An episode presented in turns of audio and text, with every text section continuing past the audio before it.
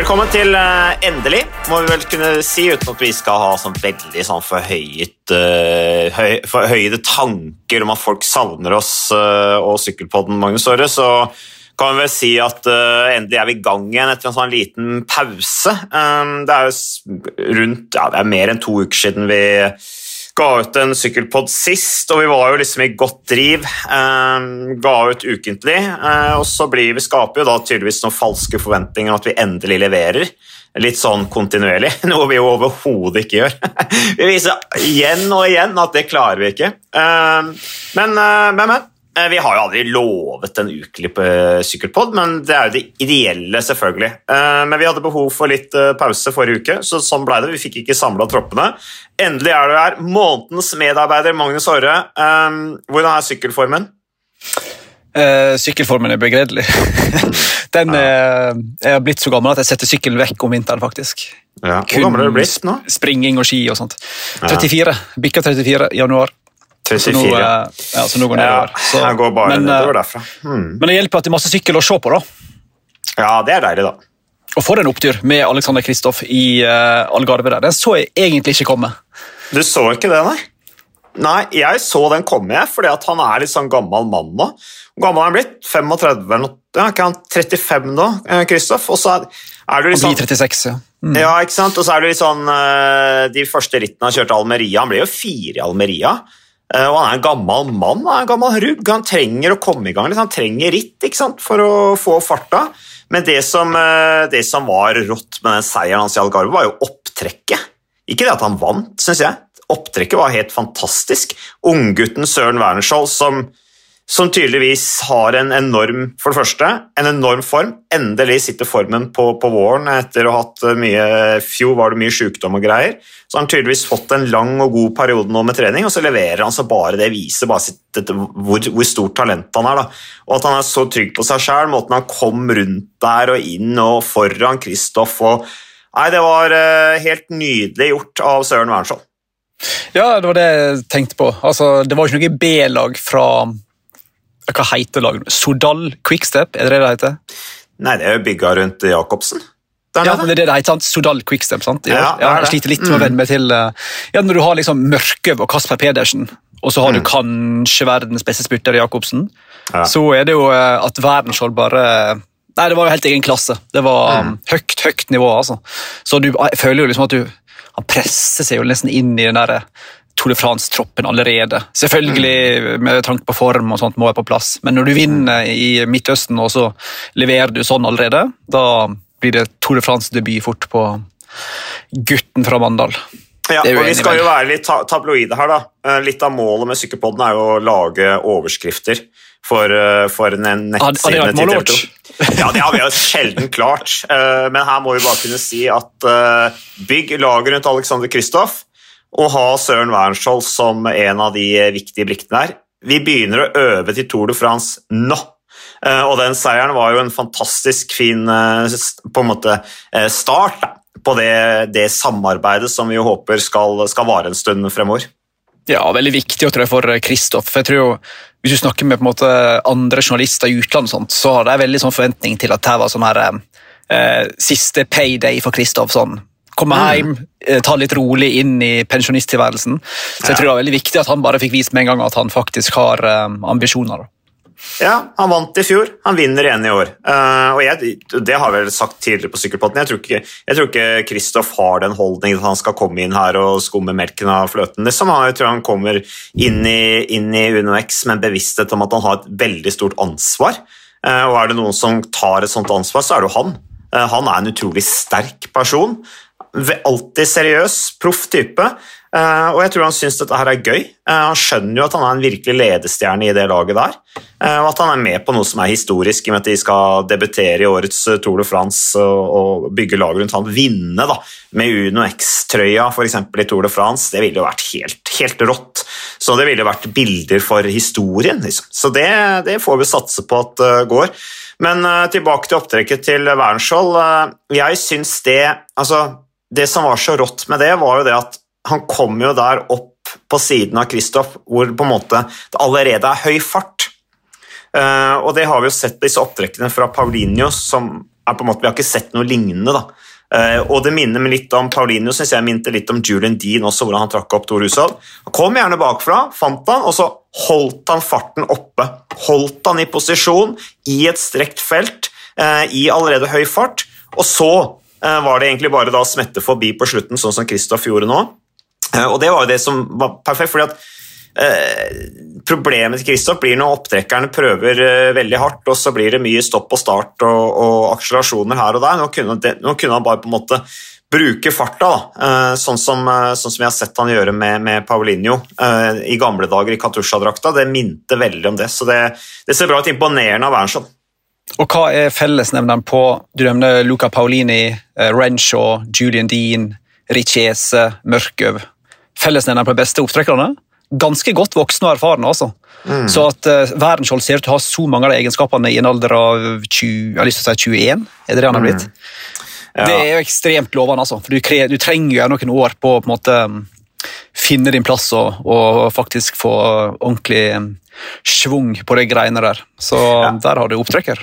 Ja, Han er blitt 22, da, uh, så han fyller jo, uh, han fyller jo 12. mars, så fyller han 23. så så, men, men allikevel, han er ung og, og, han har tydeligvis selvtilliten i orden. og, og han, kunne jo, han, kunne jo, sagt seg selv ok, Kristos sitter jo fint plassert foran der. Da må ikke jeg komme fram her og krølle det til. ikke sant? Og vært usikker, men han var veldig målretta med måten han kom fram der på.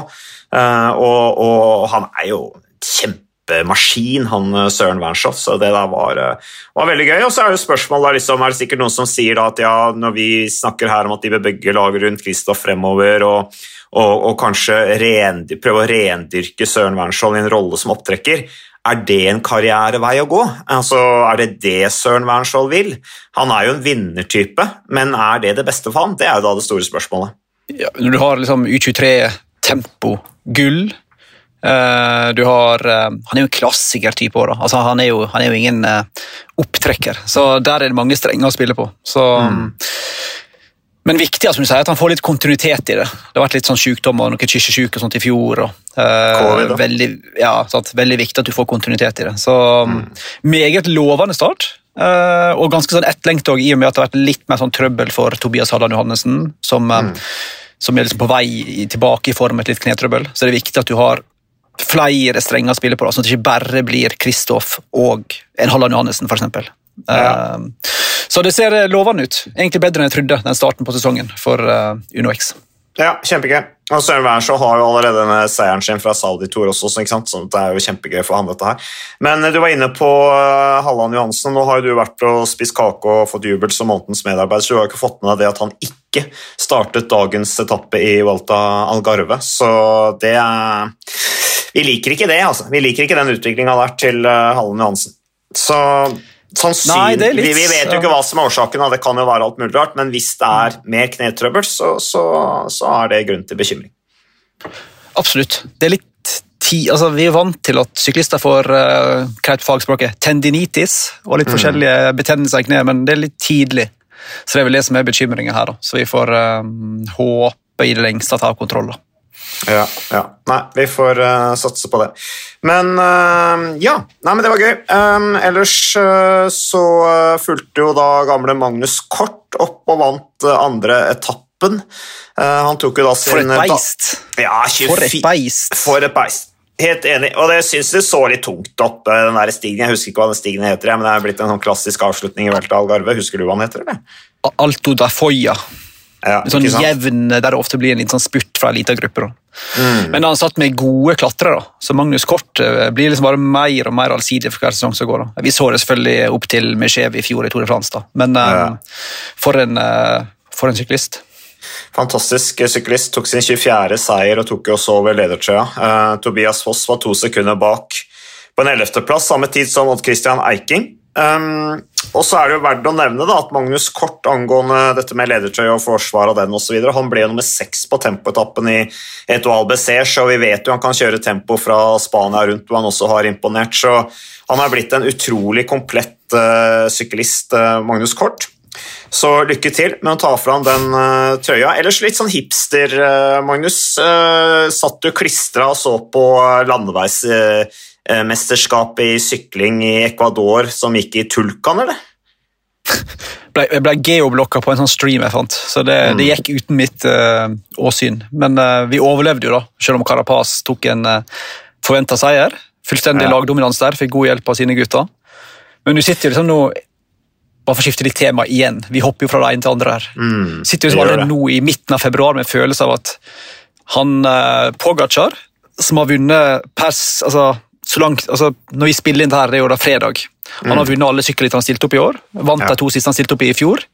Ligger jo allerede an til å bli årets syklist.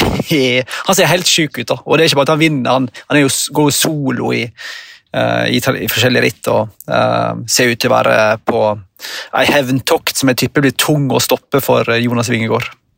Ja, uh, du er det. nei, det var brått det brutalt du hoppa over nasjonale landeveismesterskap i Ecuador der. Altså. Føler vi må liksom løfte fram liksom, det tabloide som du, du etterlyste. Ja, ja, ja da. Så, men jeg vil jo bare liksom sitte og snakke litt om at det er hyggelig at Ishak Karpas endelig gikk til topps i det mesterskapet. og det er jo første gang han vinner osv., men du er helt enig jeg er helt enig med deg. Vi må bare hoppe rett over på, på Gashar. Uh, og han er jo helt uh, enorm uh, med, den, med, den, måten han vinner på. så, så ja, jeg vet ikke.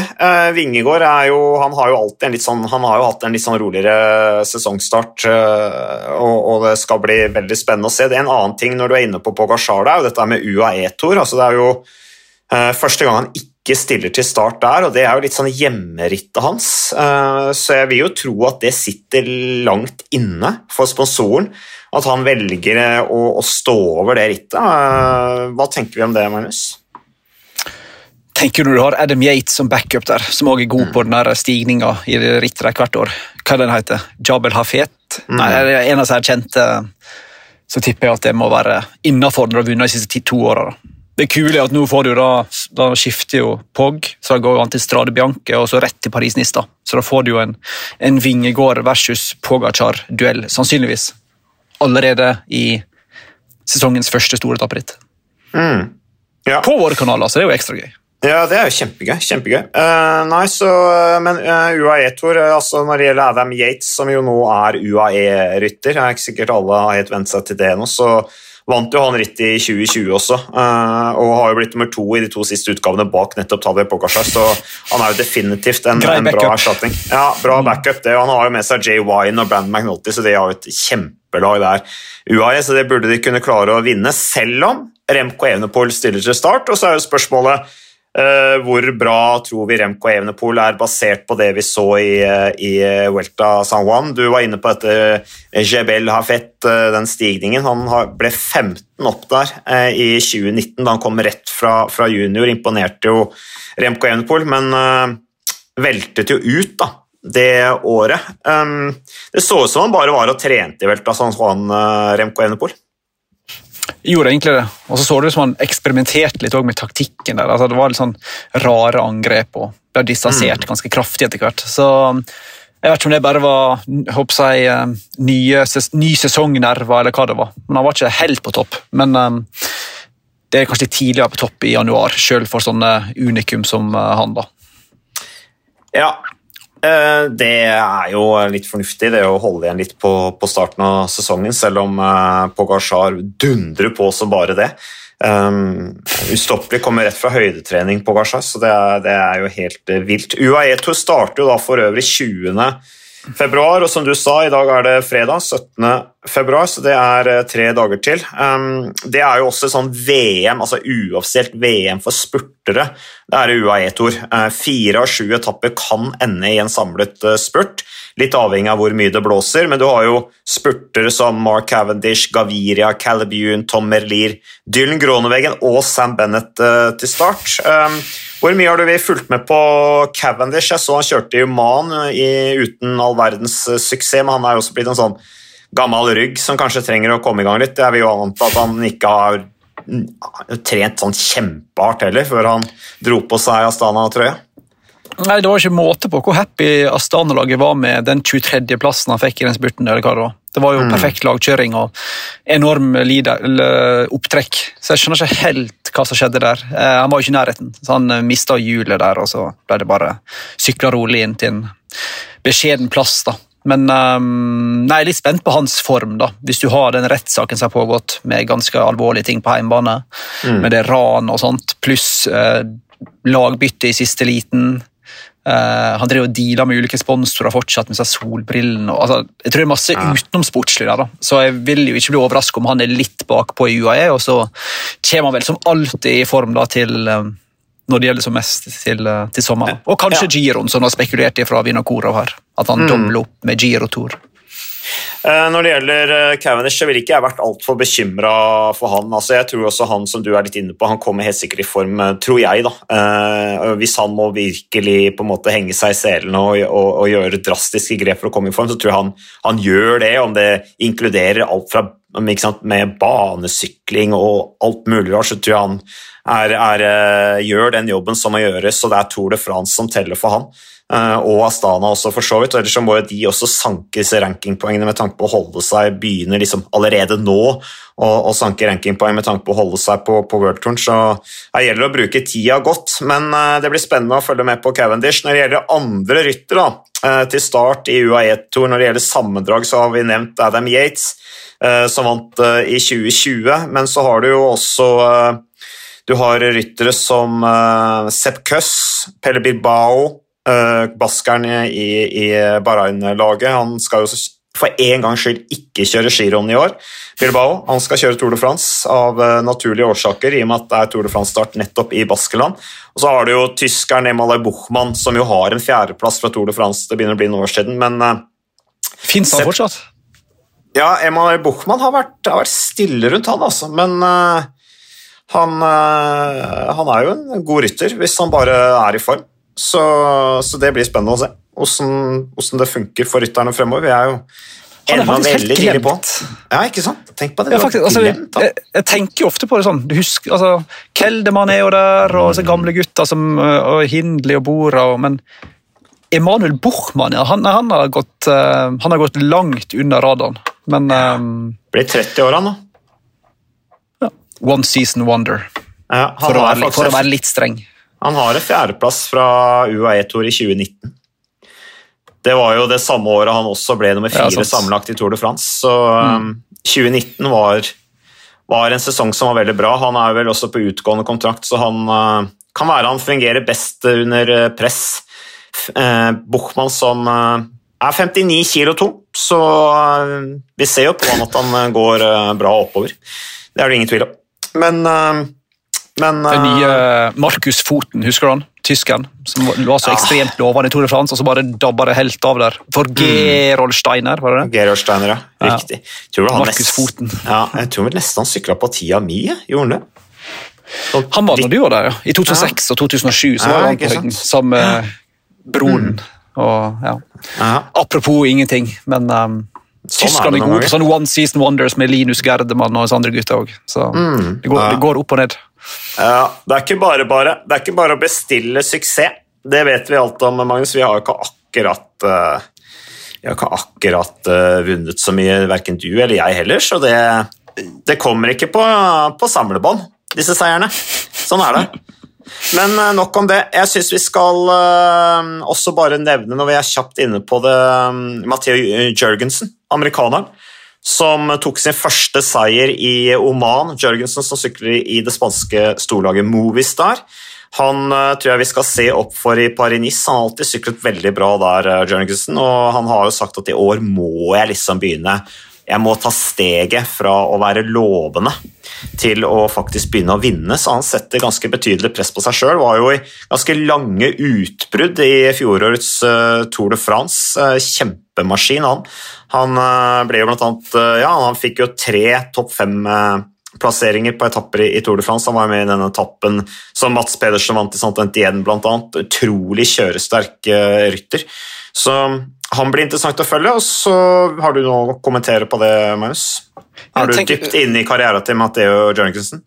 Jeg bare, jeg bare, føler litt med den generasjonen. da. Hvis du tenker på de som er så gode i den alderen. altså Jorgensen, eh, vi kan nevne eh, Quinn Simmons, eh, mm. vi kan nevne um, flere andre som åpenbart var liksom kjempegode når de var U23. Og så og så er det på en måte egentlig god rute karrieremessig, men så kommer det bare en sånn ny en gjeng som er på en måte bare noen få år yngre, og setter en helt annen standard. Som mm. Pog og Bernhard og Evenepool så gutta der. Så mm. ser de plutselig ut som sånn helt sånn ja, ja, sånn passelig gode syklister som egentlig er kjempegode. Da. Så det er sånn mm. godt å se at noen dem er litt, litt treigere i utviklinga, ja, men likevel litt... tar de stegene etter hvert. da. Ja. Ikke sant? Det er litt sånn normal utvikling på Mathias Jørgensen. Da. Han er i sitt tredje år som proff og har allerede begynt å vinne. Eh, han, eh, han har en åttendeplass. Altså han ble åtte sammenlagt i Paris-Nice i 2021. Og så allikevel så, så jeg han hadde et sitat nå. Det var vel i Cycling News hvor han altså sier at jeg, jeg trodde Altså, jeg har brukt tre år på å prøve å overbevise meg om at jeg kan vinne. Jeg trodde ikke på meg selv. Jeg trodde ikke engang på at jeg fortjente å være proff. Altså, Da er du knallhard med deg selv, altså. og det tror jeg kanskje har noe med den generasjonen med Evnepol og Pogasjar og altså, det, er, det, er, bare helt vilt. Så det er, det er, tøft å være ung i dag. Altså. Det er det. Ja, og det er jo samme med, vi sett med Nilsen Paules, som har blitt kjempegod nå liksom i voksen alder. Mm. Mauri van Sevenant sa jo det samme. Han er ikke noen vinner, sa han i en alder av 21. Så begynte han å vinne. Da. Så ja. det er liksom, Lista er lagt så ekstremt høyt nå, så det er liksom mm. godt å se at det fins uh, uh, normale, veldig trent syklister ute da, som trenger noen få ekstra år. Ja, Um, når det gjelder Pogasjar, altså han uh, vant dette Juan, uh, Juan Parisio i interiør uh, etter det lange solbruddet. Um, uh, og da Ja, nei, det er, det er, det er ekstremt. Altså, han er 24 år gammel, Pogasjar. tok jo da sin 9, eller har tatt sin 49. etappe seg, med den andre etappen i, i Murcia, Andalusia, mener jeg. Så, så, det er imponerende. Ellers, Anita von Stenberg kan, henne må vi gratulere med en nybakt europamester i poengritt. Det syns jeg vi skal få med oss.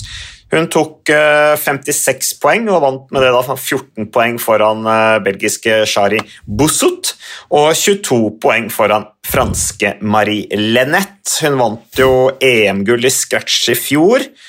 Og så, Jeg vet ikke om du så noe fra EM, ja, men jeg registrerer jo særlig på herresida at det er mange av disse her eh, kanonene på landeveien som Særlig av italienerne, som eh, kjørte ganske bra der. Uh, du har jo Ganna og Jonathan Milan og Simone Consonni som var, vinne, var med å vinne lagforfølgelsen uh, foran Storbritannia og Frankrike. Og så hadde Benjamin Thomas som vant Omnium-gull. Dette er jo litt viktig med tanke på, på kvalifisering til OL, da, dette EM-et. Så, så du noe på EM i bane, eller? Jeg så det Stenberg gjorde, og vi må mm. dvele litt ved altså, at du har den CV-en hun har nå både i VM, EM og i OL òg, til en viss mm. grad, uten å ha et anlegg i ditt eget land du kan trene på, som har, hatt, som har vært tilfellet i store deler av hennes karriere. Hun har jo dratt til Mallorca dratt, og bodd i Danmark i perioder. Mm. Ganske ekstremt. Jeg tror nok hun er en av de som har, altså av norske toppidrettsutøvere som kanskje er minst kjent målt opp mot den, de resultatene en faktisk har internasjonalt. Da. Så mm. vi unner jo hun litt mer medieomtale Ja, ja, vi jobber jo med det, vi kunne gjort, lagd den vi kunne jo, ja.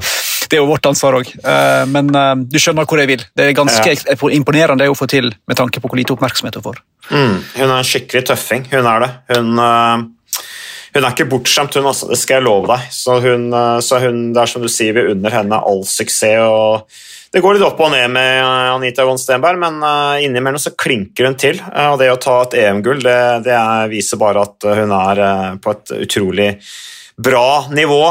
Så det blir spennende å følge videre, også veien mot Paris, som jeg regner med er det store målet hennes nå.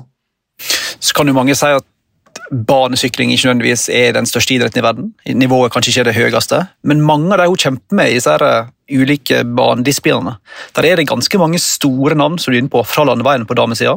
Mm. Som, som, er med på å vinne altså Kopecki og Dår og alle disse. Altså, det er ganske mange store ryttere hun kjemper mot, så det sier noe om eh, nivået.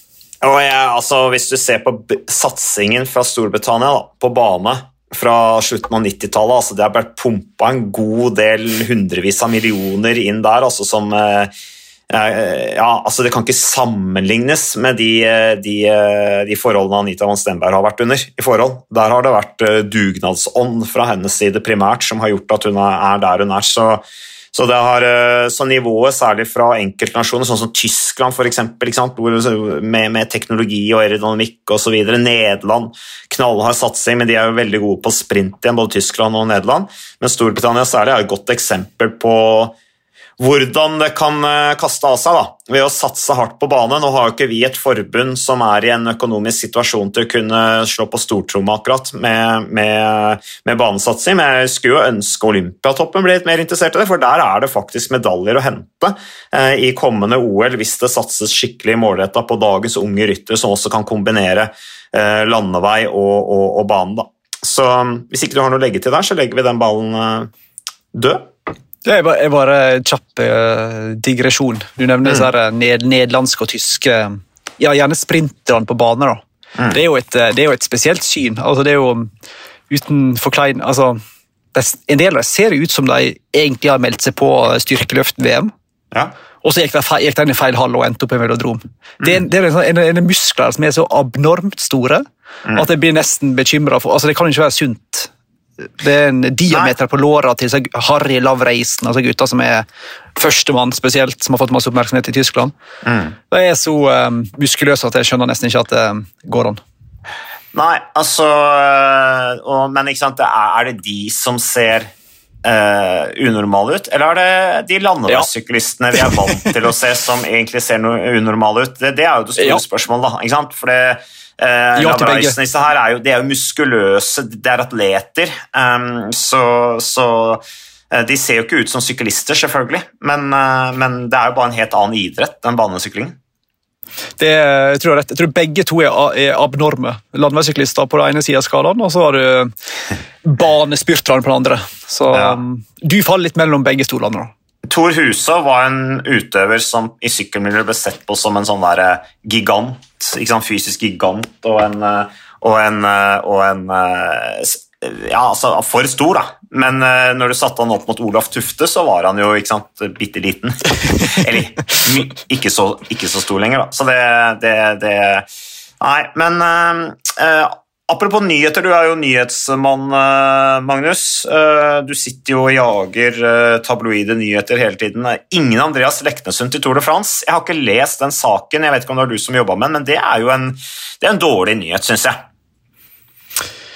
Ja, eller vet ikke jeg. Når Bardet skal fokusere helt på det der, er ikke det greit å bare um, gi en såpass ung og fortsatt uerfaren rytter som Leknesund litt sånn fritt leide carte blanche i giroen? Er ikke det grei erfaring å ta med seg?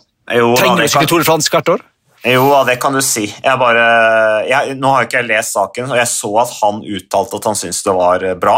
Eh, og for hans utvikling kan det jo være bra. Jeg tipper Men nå blir det spennende å se som, eh, hvordan det blir med kontrakt da, på Leknesund. Altså, er det, Spiller det inn for at de ikke tar ham med på Tour de, Tour de France-laget? Altså, hvis bare det skal satse på Tour de France, og med det regimet som er i DSM, så vil jeg jo tro at så vil jeg jo tro at DSM ville ha med seg Andreas Leknessund sånn som han viste seg i, fjorårets Tour de France, nettopp for å hjelpe å være der for Bardet. Så ut som de hadde et bra samarbeid underveis der. Så, Men var ikke et eh, par ja. ganger i Toren i fjor der du følte ah, må Leknessund jobbe for Bardet? Kanskje han var flott til å sykle sjøl? Så jo, jeg tenker jo at uh, nivåer nivået er 1% kanskje lavere i giroen, uh, og litt mindre kontrollert, mm. veldig gode muligheter for å og han er ikke dårlig på tempo, eller Leknesund, så det er gode muligheter til å hente ned fine resultater. Så ja. det syns jeg er helt fint. Men det er jo litt dumt at du måtte ha både Tobias Foss og Leknesund som på en måte er framtida, som da velger giroen i år og ikke Toren. Men um, mm. det er helt ærlig lever, veldig, lever egentlig veldig godt med det. altså. Ja, Du er så kynisk. Ja. Jeg, jeg mister liksom ikke nattesøvnen over at Nei. noen sykler Giro istedenfor Toren. Nei. Nei. Nei. Nei, det er godt du på en måte har den Men du er det, tydeligvis. ja, jeg syns det var litt leit. Jeg synes det. Men uh, Tobias Foss jeg, jeg, Det blir veldig interessant å se hvordan den karrieren hans utvikler seg videre, og om han lykkes i, i, i årets uh, Giro Italia uh, i forhold til ambisjonene til både han og laget. jeg er litt, Veit vi horisonten på kontrakten til, til, Tobias Foss? Han er på utgående, han òg. Han har jo sagt mm. til oss på trykk at han er åpen for og høre hva andre lag har å tilby. Mm. Og er absolutt åpen for uh, Uno X. Ja. Så det blir spennende å se hva en ja, om en har penger til å kunne lokke hjem f.eks. Foss og Leknes neste år. Mm. Det kan bli et ganske interessant overgangsmarked. Så, Men hvis Tobias Foss har begynt bra nå i Algarve, første rittet mm. uh, Det kommer tempo der på søndag som blir veldig interessant. Ja. Hvis han leverer på en måte i, i giroen sånn som han gjorde for et par år siden, mm. så kan det jo godt hende at han er i den, på det nivået at han kan kreve kanskje enda mer enn UnoX kan tilby, da. Mm. med tanke på lønn og, eh, og garantert kalender etc. Men um, ja. han var i hvert fall åpen for UnoX, og de er absolutt åpne for han. Så ja, det vil jeg å se. Jeg vil jo tro at eh, de vil veldig gjerne ha Leknesund og Tobias Foss, som begge kommer fra UnoX. Så så uh, Nei, jeg, jeg, ser, jeg, ser, ikke helt at han har noe framtid i Jumbo Visma lenger. Tobias Foss. Jeg gjør ikke det. Oh, ja. Ikke? Nei, fordi at uh, det, de bygger opp Selv med Dumoulin ute og Roglic litt eldre? Ja, og... ja nei, med Vingegård, den statusen hans, og så bygger de opp masse unge, sultne ryttere. og uh, det, Men det er avhengig helt og, og det er liksom han, han, må, han, må, opp på pallen, tror jeg, for at de skal synes han er veldig interessant da, eh, etter årets, eh, etter årets Giro. Eh, I hvert fall topp fem. Hvis vi skal se at ok, dette her er en mann som faktisk kan ta steget videre oppover. Så, men, men UnoX vil helt sikkert ha han uansett. De er nok veldig keen på han. Og sier at ok, hvis du ikke får det til der, hvis ikke du lykkes helt med ambisjonene, så, så kom hit, liksom. Vi skal satse på det. Nei, så det. Um, ellers så hadde jeg noen andre ting her jeg gjerne ville snakke med deg om, uh, Magnus. Um, Oi, privat eller eh, jobbmessig? Eller? Ja, men, ja, det er ikke sånn kjempeprivat at Mark Hirschi er ute med brudd i armen. da. Etter velt på åpningsetappen i Algarve. Det er jo synd eh, for han, og nedtur for UAE, den unge sveitseren. Um, UnoX er jo også akkurat nå nylig invitert til kriterium Dauphiné, har jo fått en wildcard-invitasjon sammen med da, Israel Premier Tech. Det går jo da fra 4. til 11. juni. Det er jo siste på en måte viktige oppkjøringsrittet til Tour de France sammen med selvfølgelig Sveits rundt sånn tradisjonelt sett. da. Starter jo Puy de Dôme-departementet, hvor også Tour de France skal gå igjennom i år. De skal jo Uh, der skal de være mye, faktisk, inne i området der. Uh, og så er det jo målgang da det er den høyeste målgangen i historien i Criterion Dauphiné når feltet skal opp til toppen av Col de la Croix de Fer, som jo er en, eh, en godt kjent stigning fra, fra, Tour de France. Det blir da den høyeste måltoppavslutningen i historien. og På den etappen, er lørdagsetappen, så skal feltet også over Col de Madeleine og Col de Moyard. Så det kan vi se frem til, eh, Magnus, men det er jo ekstremt mye som skjer før den tid. Vi er liksom ikke helt ja. i juni enda. Nei, nei jeg synes jo du er, du er jo en nerd på alle mulige måter. Så hvis du ja. forbereder Dauphiné allerede nå, så er jo Litt sånn mentalt, ja. Ja. Mm. Nei, er bra, Da er du på en måte klar til Dauphiné da, i februar, så det er godt å høre. Ja, jeg er litt kortere liksom... horisont. Ja. Mm, ja. Nei, det er jo Paris-Nice og i det hele tatt det er masse som skal gjøres uh, før den tid. Men uh, da skal ikke jeg Du skal sikkert uh, nå feire denne månedens medarbeidertittelen du eh, fikk. Uh, ja, nå det... rette på deg. Altså, det er ukens, Vi har ukentlig ukes, sånn, så, ah, så okay. ja, ja, ja. Mm. Og, det var, hø, det, og det var høgst stort, ufortjent. Høgst ufortjent. Så... Nei, nå må du ikke snakke deg selv ned. Det er en dårlig egenskap. Det har gjort hele livet mitt, så det, ja, det er godt vant til. Det er litt av problemet, det. Men, men sånn er det. Uh, ha en fin helg, Magnus Aare. Takk for bidraget. Takk ha en fin helg til uh, de få lytterne som gidder å høre på Sykkelpodden. Um, kom dere ut og trene i helga, og så kos dere med de sykkelløpene som er. Og så ønsker vi alle norske syklister, enten det er på kvinnesiden eller herresiden, lykke til i helgens sykkelløp og de kommende rittene som det er mange av. Takk for oss!